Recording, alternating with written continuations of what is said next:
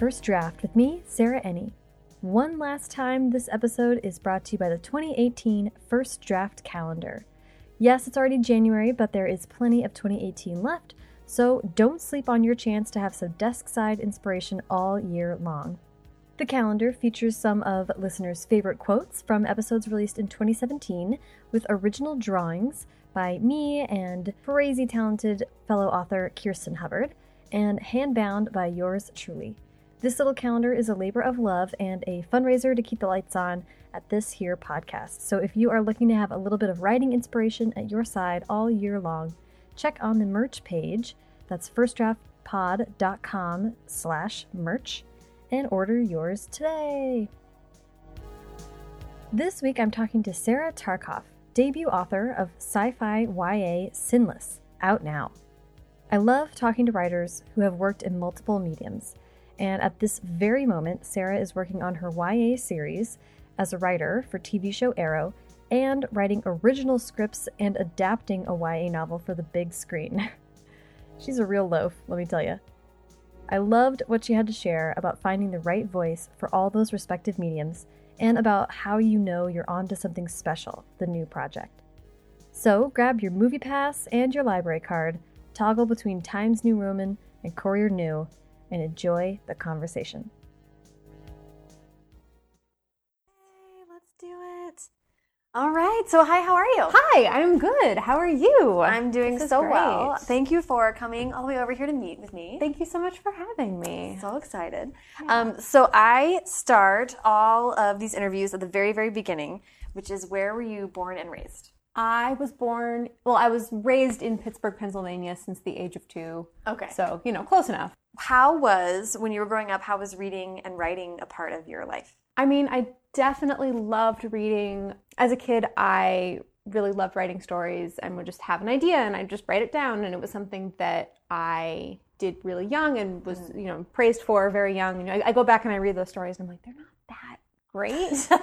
but But you were a kid. you know, but then it sort of got me on this path where I'm like, oh, I'm good at writing, and so then I go and I write. and well, I, the encouragement too. So, like, your parents were. I have really wonderful, supportive parents who have been, you know, with me every step of this. That's of this awesome. way, so. Was any of it? I'm going to ask you a whole bunch of questions about Yeah. books versus like TV and, Yeah, and yeah, that kind of thing.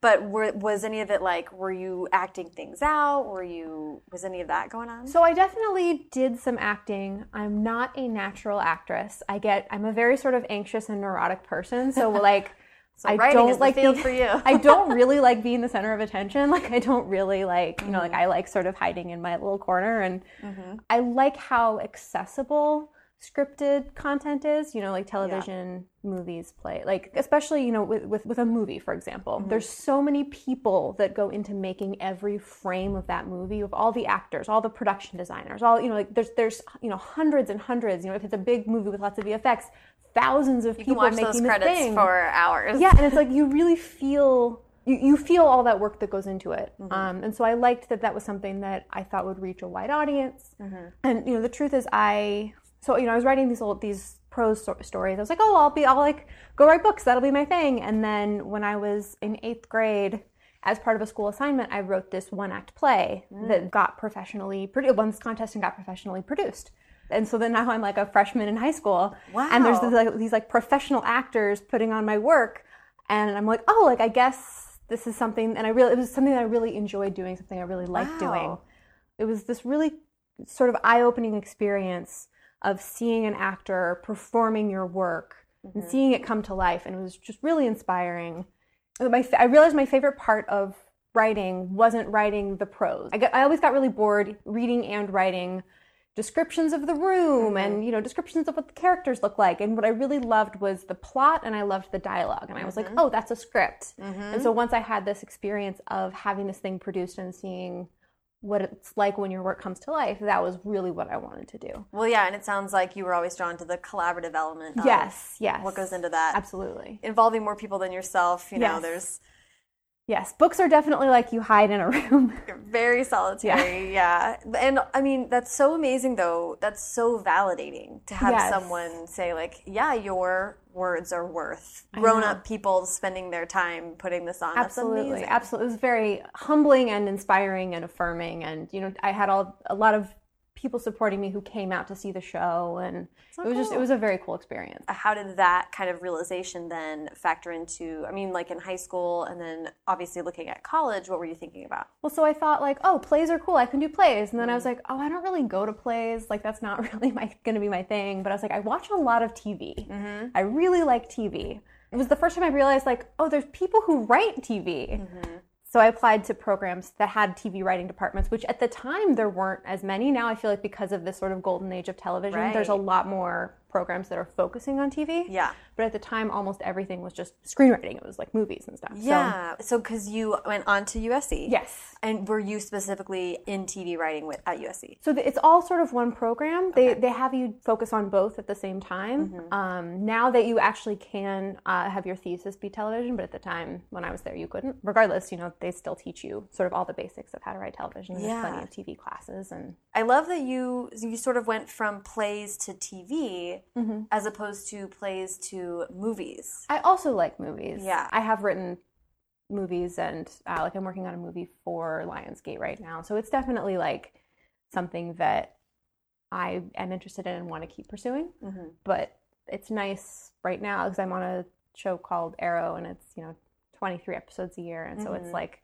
it's basically just like having a regular job and you go to work every day and you just hang out with like really cool creative people and you just like talk about stories and it's really it's really like the dream Yeah. so I love you said it is a regular job. it is a regular job. But no, because most film industry jobs, like unless you're working at like a studio or a production company, you know, you're on this movie for you know a few months a year, and then you're done, and Right. then you move on to the next thing. So to be on a show that's in its sixth season, and you know, you just Yeah. it's this very steady kind of thing, which That's is pretty really cool. great. I do feel like there is something about being drawn to TV specifically over, or you know, not over movies, but a little bit maybe preferring because of serial storytelling. Yeah. I ask people about this all the time because it's something that scares the crap out of me. to me, feel like I have an idea of like this is a story I want to tell, and then the next question is what's the right medium for it? If it's sort of a long form serialized thing that feels like it could be this sort of epic winding thing that could go down all these different pathways, then like TV would be a great place for it. Yeah. If I'm like, oh, here, no, there's a beginning, middle, end, and I see it, and it's 120 pages, then it's a movie. And then Yeah. with my books, it, you know, I had this idea. I originally wrote it as a feature pitch, and then Okay. Wrote it as a TV pilot, and then everyone read the TV pilot, and they were like, "Sarah, this is a book. I don't know what you're doing, but this isn't a TV show." That's so funny. or it is, but like it, I had written it as like a NBC early 2000s like sci-fi procedural, and they're like, "What? Are, this is no, this is a YA book." Now, hopefully, now that this YA space has expanded so much since then. Mm-hmm. I think there's now a lot of ways to bring it back to TV, movies, and you know, but keep that sort of, you know, 17 year old girl heart of Yeah. this show alive. Yeah. Okay. So let's build back to that because I want to hear about film school and what that was like and um, how you got into moving on, actually getting gigs writing for TV. Yeah, so I went to USC. I really enjoyed it there. Yeah. Great professors, great school. And you know, the thing that they tell you at USC is basically like USC is not going to get you a job. The, the people that you are in class with, your friends are going to get you jobs. And it's totally true. Every job that I've gotten in this industry can basically be traced back to one of my best friends recommending me. Wow. and then you know then i make contacts at the new job and move on from there. But like it's really just you make friends and you move up together and yeah, So rising tide uh, type of way of looking at yes absolutely. So you know I, I think i've been very lucky in the sense that my friends are all really great and wonderful and generous and have you know I've been talking about this like so much lately. I think a lot of times people talk about networking like it's a dirty word or like we Yeah. should be above it or something, and it's like not really. And I feel like I've might be repeating myself on the podcast, but I look at like groups of comedians who all get together, all are writing their own stuff, and then star in each other's stuff, and of course are helping each other get all these things made. I want to translate that to the YA space and to my friends who are doing amazing stuff. And it's like if we're all like talking and communicating and helping each other, I just don't see how we're not all better because of that. And I think saying that out loud and trying to find ways to do that is just sort of like something I really want to focus on, like especially now when it feels like you know encour- like encouraging, inspiring, and and putting forward other women is like such a prerogative right now. absolutely It's not like networking if you're just finding people you genuinely love and whose work you genuinely admire Exactly. and I then totally like agree. yeah I totally agree. anyway in usc i'm sure you got the chance to like what make shorts write a whole bunch of stuff what, what, kind, Yes. what kind of things were you writing Uh, I mean everything. You know, they start you with shorts, and and you do have like one film class where you have to just make a bunch of short films, and all the writers are like, "Oh God, I have to touch a camera." you know, it's very stressful. but I mean, for the most part, you know, the the screenwriting program is this very intensive conservatory style program, and it, I think I left with like five feature scripts, maybe Wow. more than that. that's amazing But a bunch of TV spec scripts and pilots. Like you're really writing five, ten scripts a year wow that's on amazing So they definitely really prepare you for the fast pace of television, Mm-hmm. which is, you know, you are breaking an episode today and you're writing it tomorrow and it preps next week and it shoots the week after and like yeah i can't help but feel like going through the rigors of that has gotta like i mean there's a lot of book writing that is just like you could edit the same chapter for eternity yes. and a lot of people have trouble being like it's done and i have to move on Yes. so when you're sort of in the ruthless environment of like the crew's not waiting get it out there Yeah, I mean, I think it's like you write a draft, you send it off for notes. You write a draft, you send it off for notes. And mm-hmm. while you're waiting on notes, you work on the next thing. And I mm-hmm. think that training is really helpful. And also just the training that, like, I think a lot of writer's block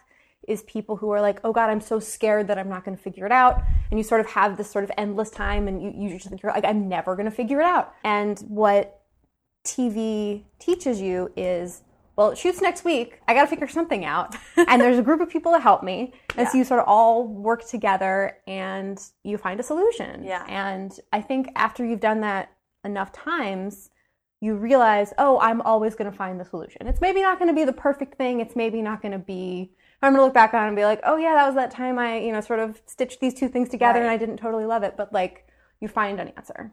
it's really also great in the tv space 23 episodes a year you can look back and be like well maybe i do it differently now but you're sort of failing out loud right you're just like trying it trying it you're not going to get it every time but there's some like comfort with making a mistake and moving on Yeah. that is also like like you're saying i think people get scared and, Yeah. and afraid that it's i mean when it's a book it is like a more like this is bound and it's the only thing and it feels it takes longer so there's Yeah. something to that but you have you know at some point you kind of have to just try it and move on Absolutely. And I think so much of TV is an apprenticeship because you mm-hmm. have a showrunner and you have this hierarchy of writers who are all more experienced than you. Mm-hmm. And so when you're struggling with something, they're going to be able to help you out and they're going to, you know, you're always sort of learning something new. You're learning from the people around you and Yeah. this sort of long history of how people have been doing this since, you know, the days of I Love Lucy and Right. and all that. So just breaking away from your fear when you're on your own, it can seem very daunting. Yeah. Before we move on from USC, oh well, one thing I wanted to, to just dive into about about what you were writing while you were there is that you've said in uh, a few interviews that I've read with you that you really love genre. Yes. So I'm wondering if that was like always what you were kind of gravitating toward. It's funny. I think there's a little part of me that was like, "Oh, I'm a girl, so I should write romance." And like I do like romance. So I think like I to some extent will always just want to write a love story or incorporate that into what I'm writing. But I think there was some part of me that always thought like, "Oh, like science fiction, like I hadn't seen science fiction necessarily that was for girls." Mm-hmm. Or I didn't necessarily realize the things I liked were science fiction. So like I love Eternal Sunshine. Like you don't think of that as a science fiction. movie. Right. Like I love the kinds of sci-fi that sci-fi that really makes you think and that it has all these relationship driven elements to it. I was going to say it's very emotional. Yes, yes, and so and fa- and fantasy as well because I think mm-hmm. there's so many great fantasy worlds that do the same thing. Yeah. So I think that's what attracts me to genre. I think the industry is changing and books have been changing to allow more of these female driven genre stories. I think And- books are kind of blazing the path They for really are. film and TV to hopefully. I mean, it's funny to watch to be in YA and to see like films kind of catching up to what was huge in YA a couple years ago. I mean, by necessity because it Yeah. just takes time to develop things and stuff like that. But it's it's weird to think about YA driving like broader culture, but you know, in the best ways. Hopefully, it can. Yeah, I hope so too. yeah. So, what kind of genre stories were you exploring while you were writing these early scripts? Um, so I have a script that I wrote a long time ago that I still have sort of been tweaking and just went out and was on the like hit list, one of those kind of lists this year. It's a love story about two people who fall in love in three parallel universes at different times in their lives. So you see what's their relationship like if they meet for the first time at 18? What's it like at 28? What's it like at 38? One of the characters is a, is a quantum physicist, so she explains like this is what parallel universes are, blah blah blah. Mm-hmm. So um, but so sort of using those genre conceits to tell just like here's a love story. Yeah, that's so cool. So, so tell me about that. Leaving school and getting a gig. What is it like to get a job in TV? Yeah, I mean, so I graduated college and I couldn't get a job anywhere. Like, I couldn't get a job waitressing. And then a friend of mine was on a show called Eastwick. She got promoted, and so she recommended me for her job, which was the writer's PA. And I got it, and I was so, so excited. And then four months later, the show got canceled. and I was like, oh no! Oh no. So I was back to back to square one, but I met really wonderful people on that show, and the showrunner Maggie Friedman gave me my very first script ever. Uh, Wendy Mericle, she was on that show. She's now uh, one of the EPs of Arrow, and she helped bring me onto Arrow. Oh, and uh, Rina Mimoun brought me on to Mistresses the first time, and then Josh Reims brought me on the second. How does that work? You are a PA. What kind of stuff are you doing there? How does it work usually to move up the ranks to being actually a show writer? So, PA, writer's PA is sort of the lowest level position in the writer's office. Your job is to get lunch, get coffee, make copies of scripts, mm-hmm. keep the office going, kind of thing. You're sort of the, you're the administrative person, basically. Right, right. Benefit of the job is that you meet all these really cool people who can move up through the ranks. You know, people will leave, go into other shows, and bring you with them. And And you get to be in the room while they're breaking story, or do you not actually? the? PA doesn't usually. Sometimes I've been in really nice rooms where they've been like, "Come on in," and uh, you know, just nice people. Writers generally understand that anyone in those positions wants to write, wants to learn, Right. and so so after that show got canceled, I moved on to Gossip Girl, Mm-hmm. and then got promoted at Gossip Girl to being the script coordinator. So I did. I was a script coordinator for many years, which was basically just like proofreading Okay. script. The showrunner sends the script to you. You go over it. You know, you look for just sort of spelling, grammar kind of stuff, but also like the slug lines. Are we shooting it in the right place? Are the day nights correct? Does everything make sense? So it's it's you're sort of the last line of defense before production gets the script. Mm-hmm. You want you just want to make sure that production isn't going to be confused, that the studio Yes. isn't going to be confused, that the right people get the script, and none of the wrong people accidentally end up with the script. Right. So That's it's a like a copy editor, but with like a lot more consequences. yes, like people showing up to the wrong place to shoot exactly. is a big consequence. exactly. We're like, oh, that actor shouldn't have been in that scene. Oops. Um, by reading all of these scripts many times, you really learn a lot about sort of how they're put together and Yeah. you know how they're changing, and really just a lot about sort of the craft of Mhm. of what a script should be like. I kind of think every, I mean almost everyone is raised reading books, but you're not always raised reading scripts. Like very few people are just reading scripts um, growing up.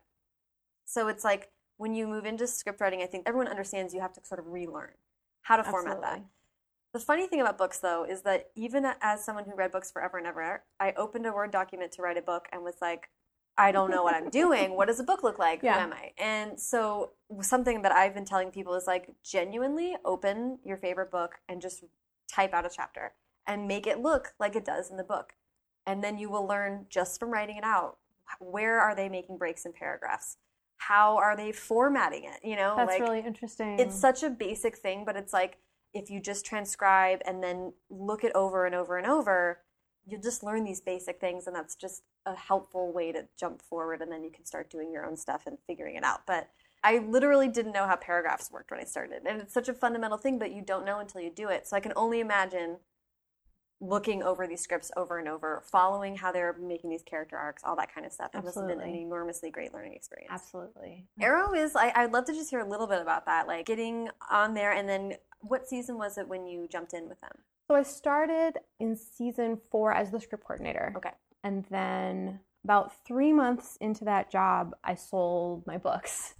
And so then different opportunities started to, to pop up. A few months after that, got a got a job offer on Mistresses. My friend Josh Reims, who I'd worked with previously on a couple shows, he texted me. He's like, "Do you want to come write on the show?" And I was like, "Yeah, yes, obviously, thank you." yeah. So I left Arrow, went to Mistresses, had a great time at Mistresses, and then Arrow the next season they were like, "Oh, do you want to come back?" And I was like, "Yes, really? Like I'm so excited." So I mean, awesome. I'm so curious about what it was like to. Obviously, you were familiar with the show, you being a script coordinator, but what is it like to jump in and start writing for stories that have been ongoing, writing in these characters' voices? This is so interesting to me. it's I think it's actually easier in season four just because you have all of this material to draw from. You Mhm. have three seasons of 23 episodes of these characters' voices to watch and get in your head. You really get a sense of, okay, what is the show? What isn't the show?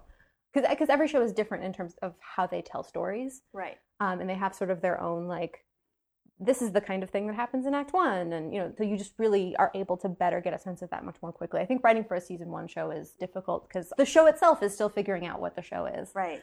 So I have definitely preferred coming in and in later stages. Moving in, like merging Like, oh, hello, you've already figured it out. Great. That's great. Um, so where do you sort of m- put your mark on it? so it's all super collaborative. So Mhm. basically, it's there. You know, let's say there's seven of us in the room on that day. We'll all sort of work together to come up with. You know, these are sort of all the scenes that are going to be in the episode. So by the end of the episode break, we will have six acts, six scenes an act or so. Right. Because you're an hour long. because we're an hour long. Yeah. Uh, so so then we'll basically just have this little mini outline. They call it a beat sheet. Mhm. And then, depending on how the show works, sometimes the writer of the episode, if there's one writer, that writer will go take that beat sheet and turn it into an outline, which will then go to the studio. Sometimes they'll just go straight to the script stage. At Arrow, we generally co-write every episode, so Okay. one writer will take, you know, one act, and one writer will take the next act, or you know. Is it like some writers have one character's voice really, and some are Um, I mean, I think if we ever were to group write an episode, there's certain writers who are like, oh, I'll, I'll take that Dinah scene. right? But everyone's responsible for knowing how to write every voice. Right. On Arrow, it's like there's some people who are like, I really want to write the action scenes. And there's some people who are like, I want to write the party scene or whatever. Mhm. It tends to break down more in that in that kind of way. And I will also say, and then every draft goes through the, the showrunner does a pass. Pretty standard on every show is you turn in your script, it goes to the showrunner, and then the showrunner uh, will revise it. Gives it their Yes. sort of that continuity that they provide, right? Tell me when the book started and how that idea So it kind of all happened simultaneously. So I, you know, I graduated USC. I was working as, you know, an assistant, you know, a PA, and then as a script coordinator in television. Mhm. And then while, you know, when you're a script coordinator, you're working very long hours. But the nice thing about it is that you're not working the whole time necessarily. You're basically on call for 16 hours a day. Right. You're you're forced to sit at your desk for a lot of that time, but you don't necessarily, you're just kind of just waiting on work a lot of the Yeah. time. And because showrunners are busy and have so many things to do, a lot of the time it's like, oh, it's the last thing that they're going to think of doing is rewriting a script. And so, you know, you might not get a script till six or seven o'clock at night, but you're sitting there since the morning. And so you're like, well, I guess I'll write. So a lot of the stuff that I've written was written while I was a script coordinator. Which is kind of Um, understood, right? It's just like Yeah, so no, and everyone's like, please be right. Like on Yeah. the whole, like most bosses I've worked for have been like, oh, good, please write. Like I'm glad you're getting time to write. that's amazing. So as a script coordinator is when I wrote the first draft of uh, of Sinless of my first novel. Well, first of all, actually, before we get too much Yeah. into it, I would love to, for you to just give the pitch for Sinless. Oh yes, hello, Pitch for Sinless. Um, so it's it's a YA sci-fi novel set in a world where you do good things, you become more attractive. You do bad things, you become less attractive to the point where like your throat closes up and you die. Mhm. And because of this, um, it's sort of this utopian world where like nobody can go pick up a gun and shoot somebody because then the person who does it dies. Right. So it's it's you know there's no crime. It's everyone's very you know happy and wonderful. And and so the main character is this teenage girl who thinks oh I'm pretty so everything's great blah blah blah. Slowly discovers things aren't what they seem. Ends up getting involved in this big sort of worldwide conspiracy kind of thing. Um, how did this idea come to you? It's a funny, weird story. I many years ago was pitching to this visual effects company that was trying to branch into producing their own movies, and they said, "Okay, these are the things that we're good at." Mm-hmm. Um, and you know, one of them was sort of changing people's appearances. And they said, you know, pitch us ideas that involve that because we can do that for cheap. And so I was like, okay. So and I'm sort of like thinking about ideas. I'm I've always been a big fan of Kurt Vonnegut Mm. and of Cat's Cradle. Mhm. And so I loved that he created this brand new religion out of whole cloth. And like from the very beginning, you know, it's a completely made up religion. Mhm. Everything about it, he's like, like from the beginning, he's like, this is not real. I've totally, I'm telling you this isn't real. But at the same time, you're like, oh, but it's really cool. I want it to be real. so that's sort of the inspiration for this was like, okay, how do I combine that idea, creating a new religion, with this idea of people's appearances changing? So basically, Yeah. in the book, people are like, if you do good things, you become more beautiful. Therefore, that's God, and that's you know. So there's this sort of worldwide religion. They're like, God exists, great, yay! Yeah. It also made me think of, I mean, that's so interesting that it was based on a production company wanting to promote or be Yeah. able to use their CGI stuff because it did make me think right away of being here in Hollywood and not even like, oh, Hollywood's so shallow, but like how actually our entire culture looks at celebrity and makes this false inference that beauty equals like goodness. Yeah. Like we so desperately want Chris Evans to be like a great guy, and We it's like that doesn't. He, by the way, he is a great guy. Oh, good. I'm like, glad to hear that. But I- see, but see, there you go. I, I'm basing this on just the fact that he's dating Jenny Slate and is wonderful on Twitter. But but I want him to be. You know what I mean? Yeah. Like, and we cast you know Willem Dafoe as a bad guy. I'm sure Willem Dafoe is a great guy, but he just like just has that looks look. the part. Yeah. Yeah. I mean, I think especially if you look at statistics of the ways in which, like, if you're more attractive, you get paid more, you get promoted more. Like, there's so many subconscious ways that we change how we treat other people based on how they look. And you know, obviously, some of them are you can talk about racism, you can talk about sexism. Right. You know, there's all there's all of those sort of obvious things. But this is just trying to get to a much more simplistic sort of version of that. And I think just sort of checking our own sort of subconscious biases where this main character has to at some point realize like oh no actually i you know i assume that this person is good because they look this way but maybe that's not true and Right. I so I love coming of age stories, and my very favorite kind of coming of age story is basically. Are you familiar with the Dunning Kruger graph?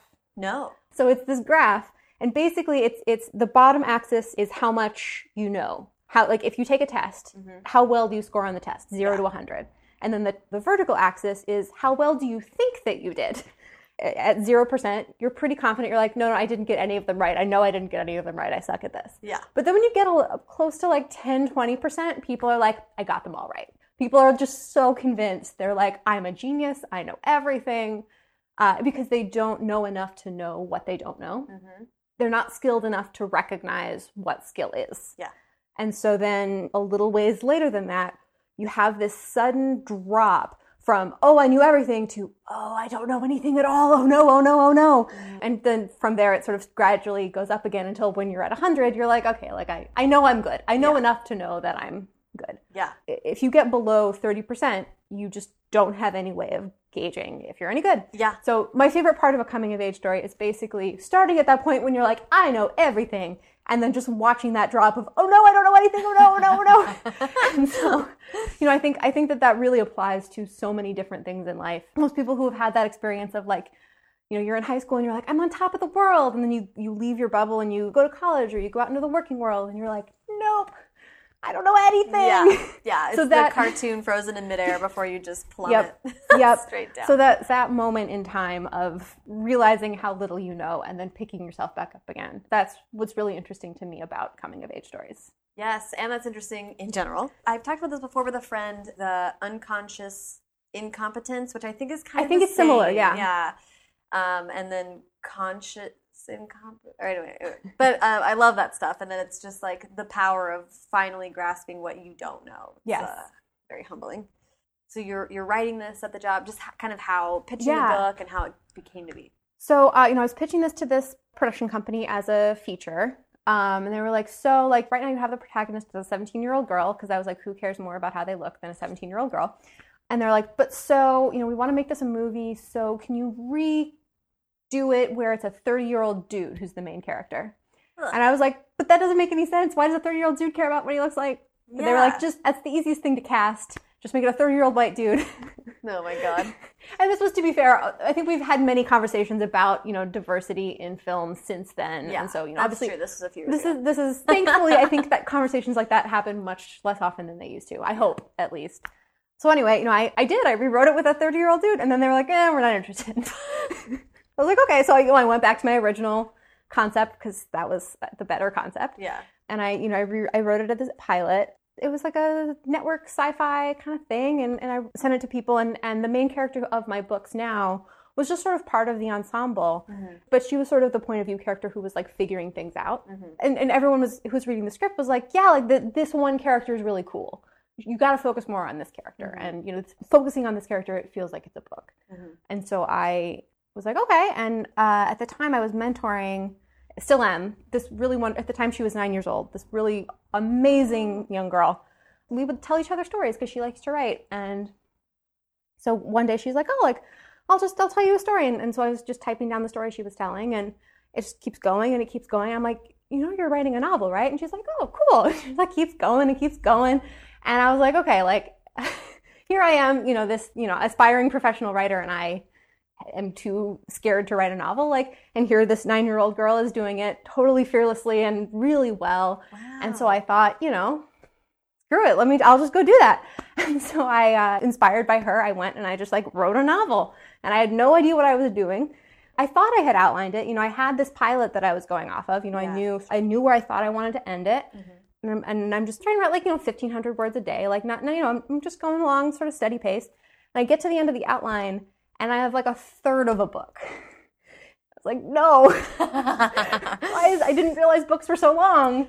They're so long. Uh, so I was like, well, I gotta figure this out. So I, so I went back and I re-outlined it and I was like, okay, like, Was the first third of the book was Yeah. that like the equivalent of like a season in your thinking? it was the equivalent of the pilot. So I thought, oh, I'll expand the pilot, but that was wrong. Got it. So you're correct. Like I think a book amount of material translates to probably a season of Yeah. television, give or and take. now I feel like it's almost like mini series. yes, absolutely. Yeah. Because 23 episodes is like, That's a uh, lot. it's like a book and a half, maybe. a lot. It's like quite a, episodes is a lot. quite a bit. Sorry, Um, go ahead. So yeah, so I went back, I re outlined it, I rewrote it, and really the fact that I'm publishing a book is due to the fact that I have really wonderful friends who sat down with my really terrible first draft and were like, "So Sarah, here's what you did wrong. this isn't working. Right. Here's the things that you need to do." to fit." And so, like, you know, I am really grateful to all of those people. Like, my boyfriend read it multiple times. I'm very grateful. That's so sweet. Um, so then when my now agent read it, he was like, "Oh, so you know, it seems like this is a really great book, but like, really seems like you know, like you need more of an ending." I'm like, "Okay, you're right. Like, I'm used to writing TV. I ended this book on a cliffhanger. Like, all right, I like give it an ending." He's like, "Okay, we're gonna send it out." So uh, Harper Voyager buys it. First thing they say is, "So I think it needs an ending." no. I thought I did it. I thought I did it. So then I added, so then, okay, so now, maybe now there's an ending. I hope. Well, so okay, a few questions about that. Yeah. So then, did you always know that you wanted to? Because this is, I think, three books. Yes. Yeah. Did you always know that you wanted it to be that long? How, Absolutely. that- So the end of season one, quote unquote, in my mind, in when it when it had been a TV show, is the end of book two. oh, okay. And so that moment was always very clear. Like I always knew what I was working towards in that moment. Then everything sort of was worked around to, to get to that Mm-hmm. that moment. That really sets up, you know, what what book three is going to be. so then, with people talking about the ending of book one, is the cliffhanger question, right? It's Of a, like, it's it, it's a cliffhanger in the sense that it does set up like here's what you're going to see in book two, right. but hopefully you do feel like the story of book one was closed off. That is mean, my hope, at least. I think this is something that, that people write, who write series deal with a lot. Of you know, there's been some really big books in YA that have ended on like a straight up season finale level Yeah. of click, cliffhanger, and that doesn't go over very well Right. with book readers because it takes a year to three Yeah. years for the next book to come out. So, and I know when you're pitching a book to try to sell it, then there's a lot of um, there's so there's a lot of I think uh, hemming and hawing over how Yeah. book one a proposal should end. Yeah. Well, so the the first page of Sinless is the main character writing a letter from prison like 10 years in the future and saying like, "Hey guys, I know I messed up, but let me explain." Funny. so, you know, I mean, so you know, basically that's going to be the end of the series is Right. explaining how she gets there. So, you- so you sort of know where it's going that's so interesting. to a certain extent, but you don't know how and you don't know why. Um, and I and I do believe that the journey is worth it Yeah, and has no, some surprises along the way. That's really cool. I like. Uh, I mean, I love this conceit. So it starts with that letter. Is it first person? Is It's it first person. Yeah. Okay. So that was the thing is coming from screenwriting. The reason that I felt confident writing this book, because I had spent all this time being like, no, I don't want to write prose. I don't want to write prose. Right. But like to me, the book is just it's you know sixty five thousand words of dialog Mm-hmm. This main character saying like, and then I'm thinking this, and then this is what I was feeling, and blah blah Yes. blah. So uh, I think that that made it easier for me to make the transition. Yeah, I want to hear a little bit more about about this fear of writing a book. Yeah. I think it's so interesting because it sounds like when you were really young, that was kind of like out Yeah. there. You knew you loved stories. Did you always have it in the back of your mind that like one day I- you wanted to do it, or I honestly, at you know, 14, when I made that decision of going into screenwriting, I think I kind of just decided, oh no, that's not what I'm gonna do. Mhm. And then I had this idea that I was really excited about that felt like it should be a book. And I had I had the time at the time to, to work on it, and I was like, well, let's let's try it. Why not? You know, I, th- I think it was really. It's not that it was like this dream that I'd had mm-hmm. forever. It was that it was a story that I felt wanted to be told, and I wanted to tell it in the best possible format. I mean, I admire being open to a Yeah. medium that's so different than what you've been doing for than what you've been professionally trained in. You know, like that Yeah. takes a lot to open a new, whole new document and learn all over again. And I think now that I've written the book, it's like, oh, now I totally see how it could be a show because it's like they sort of inform each other. It's like I wouldn't have gotten to the book without having written the pilot because I needed to build the world and I needed to come up with these characters and, mm-hmm. and have this sort of structure to it. Yeah. But then now that I've written the book and gotten really gotten inside everybody's heads and built out so much more, it's like, oh no, now I see the foundation of the show. Yeah. Okay, so I think by the time this comes out, the books will have been optioned. That's so exciting. I'm very excited about it. Oh my gosh, that's Um, thrilling. And I- I'm really excited. The, the uh, exec that I'm working with at uh, Mar Vista is really great. It's Is it with you to adapt or so because of my contract at Arrow, I can't be the person adapting it, but it will be as involved as contractually as I am allowed to be. Cool? Oh my god, that's so, So, I'm exciting. very excited. So it's for TV. It's for TV. That's so cool. I'm excited. Lady driven TV sci fi. More of that, please. I hope so. Very exciting. So. Um, a couple other things about the book that I wanted to um, have you weigh in on. Oh, I loved this. Okay, so you mentioned that the Vonnegut concept of the fake religion. Yeah. The in uh, this interview I read with you, you said, "I feel like it's a pretty new idea that you can't do both science and religion." I just would love to hear you talk about that thinking and how it kind of plays into what Sinless is talking about. So the, the thing I think I was referencing in that in that article was uh, Isaac Newton was was spent as much or more time studying the Bible as he did studying science, and obviously made all of these huge steps forward in science. So Yeah. I think it's this very new idea that to be religious you need to reject science. Right. And I think there are many scientists who look at the universe and it's like, whoa, all of these unexplained mysteries, and I find spirituality in that. But I think it's if you're very tied to this text and you're tied to, you know, certain ideas about the afterlife, you're tied to, you know, this idea of a soul. It's like science can bump up against that and ask questions of like, well, do animals have souls? Because we evolved from, you know, start you ask questions about consciousness, you ask questions about, you know, and and if that butts up against what this book written thousands of years ago says, Right. then you start having this sort of crisis of faith. The truth is, I I want you to be able to read the books, whatever you believe, and not feel like I'm trying to tell you to believe something else. Right. Because I'm not. I think that everyone is entitled to believe what they want to believe, um, and I don't think that that necessarily means you have to stop believing in science or stop taking in new ideas. And I think there's this fear that by taking in these new ideas that you're that you're questioning these old things Well, it's the like false dichotomy, right? Exactly. Like an either or where that truly doesn't need to exist. To me, if your religion doesn't stand up to scrutiny, then you should scrutinize it more. I think Right. is is the ultimate question. Is the ultimate the ultimate way that I would say. Yeah, well, and what I like a lot about what you're saying and, and what Sinless is kind of dealing with is this like a blind faith Exactly. doesn't yeah. make it a more pure faith. I think what we are moving toward, and this is like even broader than just religion, is this only in taking things that are going to reinforce your Yep.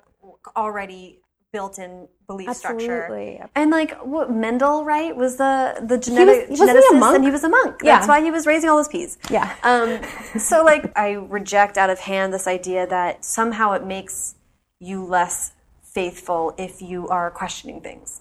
I think in order to have anything in your life be of true value, you need to be negotiating with it always. I agree. I and I think if you if you have faith, I think you see that faith as bravery. You see that as standing up for this thing that you believe in. And I think that that kind of faith and bravery requires you to confront all of these things in your path and say, how does that mesh with my faith? Right. Because if you have true faith, you should be able to face all of those things down and say, let's say that this thing is true and it confronts something else I believe in. How do I reconcile that? And Yeah. how you reconcile that is absolutely up to you. Yeah. But I think you were talking about, you know, confirmation bias that mm-hmm. like our search engines only show us the news that we believe in. Yeah. You know, our social media sites, you know, it only shows me sites that I click on, like on, you know. Yeah. It's we are in this process of reinforcing our own beliefs. And I think if you really believe what you believe strongly, if you really want to say that that's what you believe, you have to face the things that are difficult. You have to face the things that are different from what you believe. Yeah, and think about the other side and play devil's advocate, Yeah. even in your own mind. It's like critical thinking that we're sort of being discouraged from doing more and more, and that's you know distressing. So, so you're you're still working on Arrow, and you have two more books to write. Yes.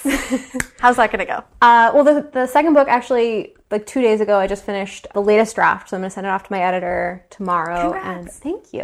And then book three, I will write at some point. Gotta come out. So Gonna happen sometime, right? we'll see. Books, I feel like, are very different. Like if I'm working on a script, you know, you, you can read the whole thing in a day. A TV script, it takes you like max a week to write a TV script. You know, Yeah. it's it's an act a day, you're done. Right. You read through the whole thing like easy peasy. Versus novel, like it's tough to like in a week to read through your own novel. Like it's, Yeah. Oh my gosh. you know, and, and that's when it's already written. So I think it's it's just this there's so much more information to keep in your brain. Like mm-hmm. in terms of my workload, it's not necessarily like how many pages am I writing every day. It's just how much information do I have to keep in my brain. Yeah. And if I've spent the whole day in the room at Arrow and that's what's in my brain, it's like there's not a ton of room for anything else. So you know, it's, it's if I'm working on the books, it's on the weekends when I have that that bandwidth. I was telling my friend this, who's writing her first YA, and she's a producer, and I was, and she's kind of beating herself up about not getting more done, and I was like, like I know it seems different going from doing the TV stuff to the book, but it's not. You're actually pulling from the same creative well, so you just Yeah. like you just got to give yourself a break. Yeah. Like you can't come home from working on that all day and think you're going to sit down for three hours and write your Right. book. It's not possible. You have to fill the well at some point. Yeah. And I, I do think, uh, I'll say two totally conflicting things. One is that I think cross pollination is great, and everything I learned with the books affects and teaches me something about television writing and vice versa. Mm-hmm. But I also think there's so much writing that happens when you're not writing, when you're just sitting having a conversation with a friend and, and you have something going on in the background. You just have, you're thinking about that story problem, and then all of a sudden it just clicks. Yeah. And I think that if you're working on too many things, or if you're, you know, if, if you're working at a day job that doesn't allow you to have that time where you're thinking about stuff, I think it's really difficult.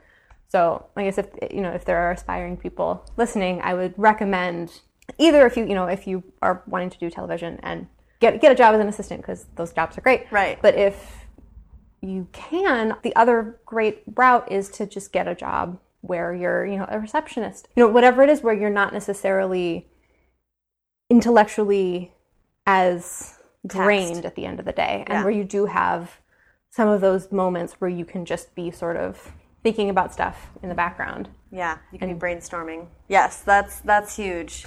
Thinking back to my cubicle days, oh, all the brainstorming that was done. I did so much brainstorming as a receptionist. It's great. so great. So so I'd love to hear how this is breaking down for you actually like schedule wise, that kind Yeah. of thing. I mean, you have a lot cuz I'm guessing you're also writing other things, scripts Yeah. and things as well on the side. So that's a whole lot on your plate. Yeah, I mean, I so I have this movie at, at Lionsgate. It's based on this other YA novel called uh, "The Love That Split the World," um, Yeah. which is this really it's this really beautiful story. And so I've been adapting that, and you know, with movies, it's like you know, who knows if it'll ever go anywhere. But it's been a really great process, and I've really enjoyed all of the execs that I've been working with there. Do you mind if I ask you a million Yeah. questions about that right now? Of course, yeah. Um, that's fascinating that you then are on the side of adapting Yes, a book. I love adapt. So I'm saying this. This is the first time I've really adapted someone else's work, and I really, really enjoyed it. And Were you was the story brought to you? Were you aware of so this book? Lionsgate had optioned this book, and they sent it to my agents. And my and it's you know it's this sort of love story in parallel universes, and Mm-hmm. I was telling you about the script that I wrote. That's a love story in parallel universes. So my my agents were like, "I think you would be good for this." so they sent me the book. I read it. I loved it. I you know, built a pitch. You know, t- took it to Lionsgate, and they uh, you know bought the pitch and and hired me to write it. But what I really have loved about the process is feeling like you have this sort of silent co-writer. Someone has built this world and these characters for you, and you just get to go back to this well and be like, you know, I'll read through and be like, oh, here's this really great line that really just sums everything up, and it's it's this weird sort of one-way collaboration. Right. Which you know, I, Right. I have not met the author and have no idea what she thinks of my adaptation. Right. That's fascinating too. Is it discouraged explicitly for you to do that? um, to contact the author. Yeah. I mean, no one's ever told me one way or the other. I think I didn't. Uh, I'm sure if she contacted me, I'd be like, "Oh my god, so nice to meet you." I do follow her on Twitter, I think, but That's great.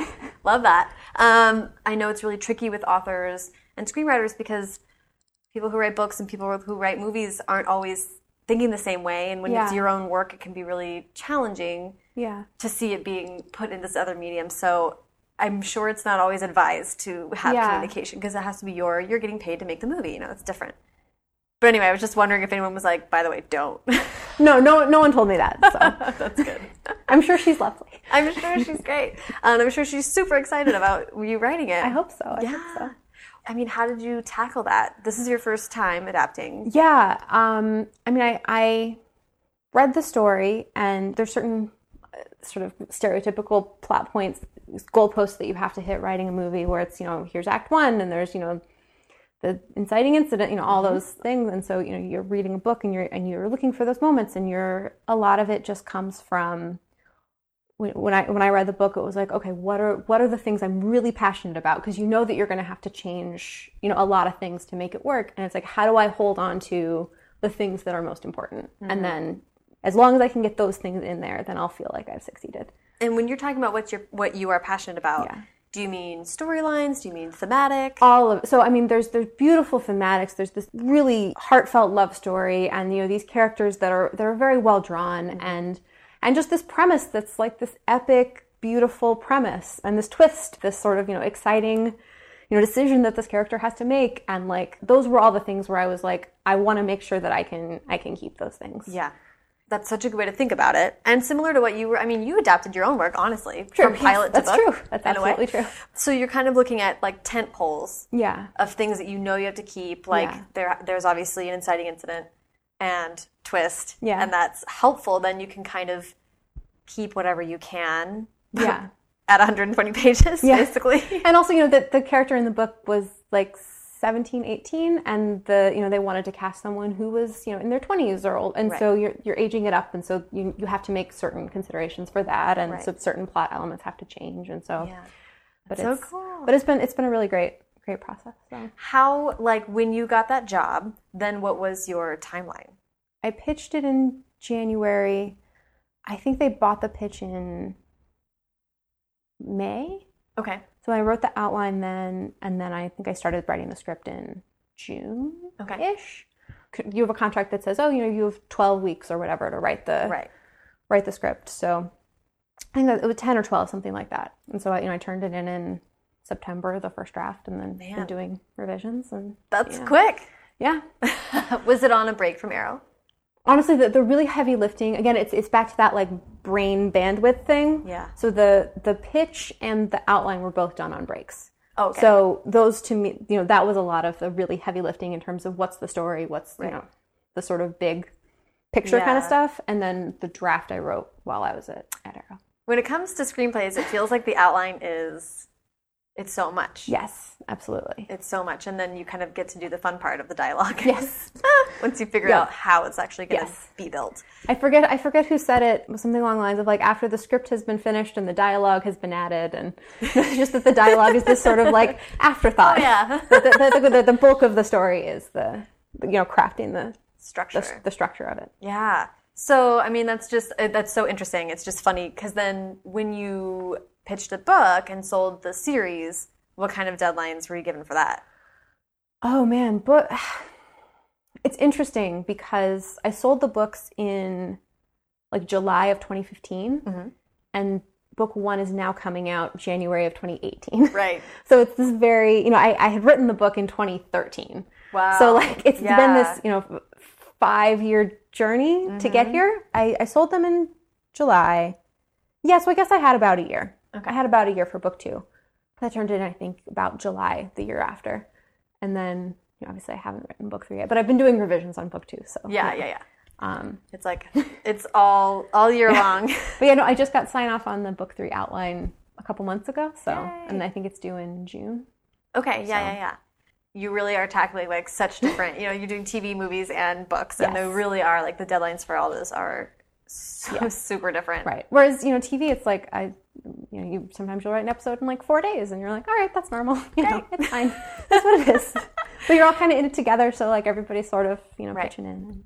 I would, Yeah. lo- I'd love to ask just how it was writing on your own. Writing on my own. Writing your book is solo. Oh, Yeah. uh, I mean, there's obviously all the things.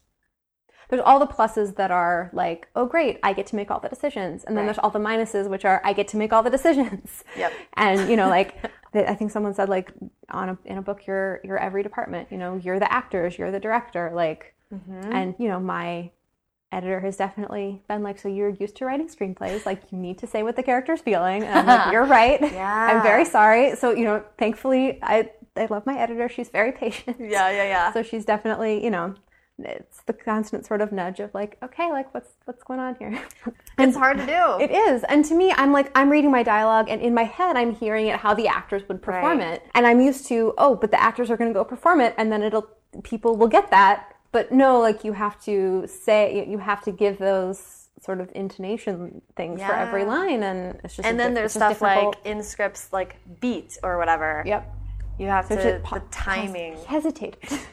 Yeah. like okay like I'll, you know but so it's been a process of of learning how to write a book for me Yeah. for sure um i feel i feel i have felt very humbled by the process and very grateful to all the people who have pitched in and, and Yeah. helped me out I love that you that you keep coming back to the collaborative part. You're like, Oh no, that's it's so true though because because I really couldn't have done it alone. Like I think I think there is this this myth of the sort of solo creative genius and to me that's not I haven't witnessed that to be the case. Cer- certainly not for me. I'm certainly not the solo creative genius if one exists. Yeah, Um, I I think you're right about that, and I think also that we are learning more and more that like writing that is done in a vacuum is not necessarily ideal. Um, Yeah. and perhaps we shouldn't be like romanticizing like Right. I think not enough credit is given to all of the people who, you know, give notes and stuff along the way. Yeah. Because to me, those people have been invaluable. yeah. I appreciate you going all over the place with me. Thank you so much for having me. This has been really fun. Yeah. w- w- One last thing before you before I let you go is I like to wrap up with advice. Okay. You've given a ton of great advice already, but I would just love to hear uh, advice you have for new writers, and maybe even maybe advice that you have as someone who's gone through all these different mediums. Um, write a lot. I will say I wrote a ton in college. You know, I wrote you USC. They just make you write and write and write and write. Mm-hmm. And then after college, I kept writing and writing and writing and writing. And I was getting really frustrated because it felt like I hadn't written a script that people were excited about. Mm-hmm. And the advice that someone gave me was, you just haven't written your script yet. At some point, you'll write the script that people will love, and that'll be it. And for me, that took that was about 10 or 12 pilots in was mm-hmm. when I wrote the idea that people got really excited about. So, That's so interesting. and you know, obviously, then sometime after that, I wrote this book and then all of that. So, I think the advice that I would give is I know that it feels like you've been writing forever and it feels like you're never going to get there and it feels like you're not getting any better anymore because you've been writing for this long. But like, my advice is you will keep getting better. Every day I can, I know that I'm still getting better. I know that we're all still getting better. So just, I would say just keep, keep working until you, until you hit that thing. Did you feel different when you were writing that thing? The only reason I felt different was that I would describe the idea to people and they were like, oh, that sounds really cool. It, I, it really is, you know, sometimes I would think like, no, this is brilliant. I, I've found the idea. And then I would, I would hand a script to people and people would be like, "Eh, it's fine. I don't know. It's like, it's not bad. Yeah. But it's not like amazing. And then, you know, you, you get to that idea and it's other people change. You, you're always going to be passionate about whatever it is you're writing, hopefully. Mm-hmm. But it's when other people get excited that you know you've, you've crossed a That's so threshold. interesting. That's such a good point. That's really true. Even just a real quick pitch to someone over drinks. Yeah. I feel like I've had a couple ideas where people are like, "Oh, That's an idea. that's I really want to." I had a date actually one time be like, "I wish you hadn't told me that idea because now I want to steal it. I want to steal it." I was like, "We can't date anymore." Uh, yeah, that's because it can be hard to be in your own head and get excited about everything. And people talk about book of your heart or whatever. Sometimes Yeah. it's hard to tell. Yeah. And I think there can be a nexus between your talent, which is growing over time, and just the ideas that you happen to have. Yeah. And sometimes there's this zeitgeisty kind of explosion Absolutely. where the two meet. Yeah, and I feel like it's very important to remember you can have more than one passion project. If your passion project wasn't the thing, write something else. There's all like if you really want to write, you're gonna come up with a million ideas. So just keep keep going, and and you'll find it. I love that. Yay! Thank you so much. Thank you so much. This was has been great. Yay! Yay! Thank you, everyone.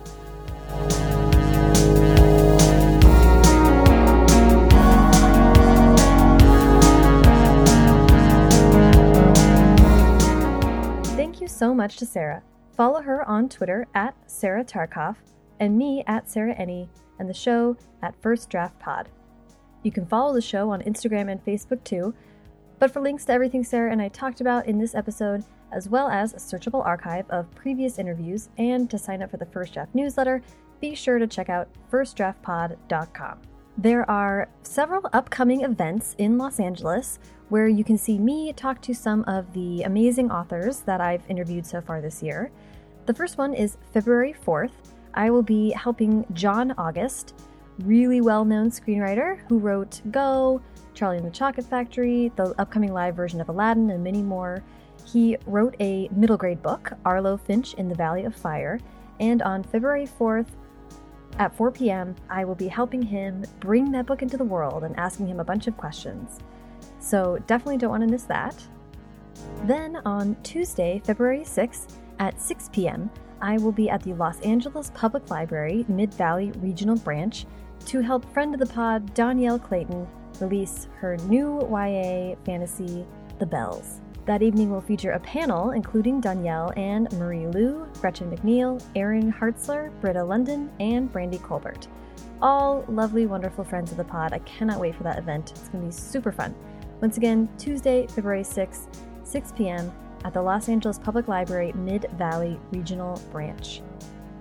And stay tuned for many more events to be announced soon. Don't forget to order your First Draft calendar on firstdraftpod.com. Look for the link also on Twitter, Tumblr, or Facebook. And if you like what you heard, please leave a rating or review on iTunes. Every five star review makes me more beautiful inside and out. Thanks to Hash Brown for the theme song, and to Colin Keith and Maureen Gu for the logos. Thanks to super intern Carter Elwood and transcriptionist at large Julie Anderson. And as ever, thanks to you, intrepid questioners, for listening.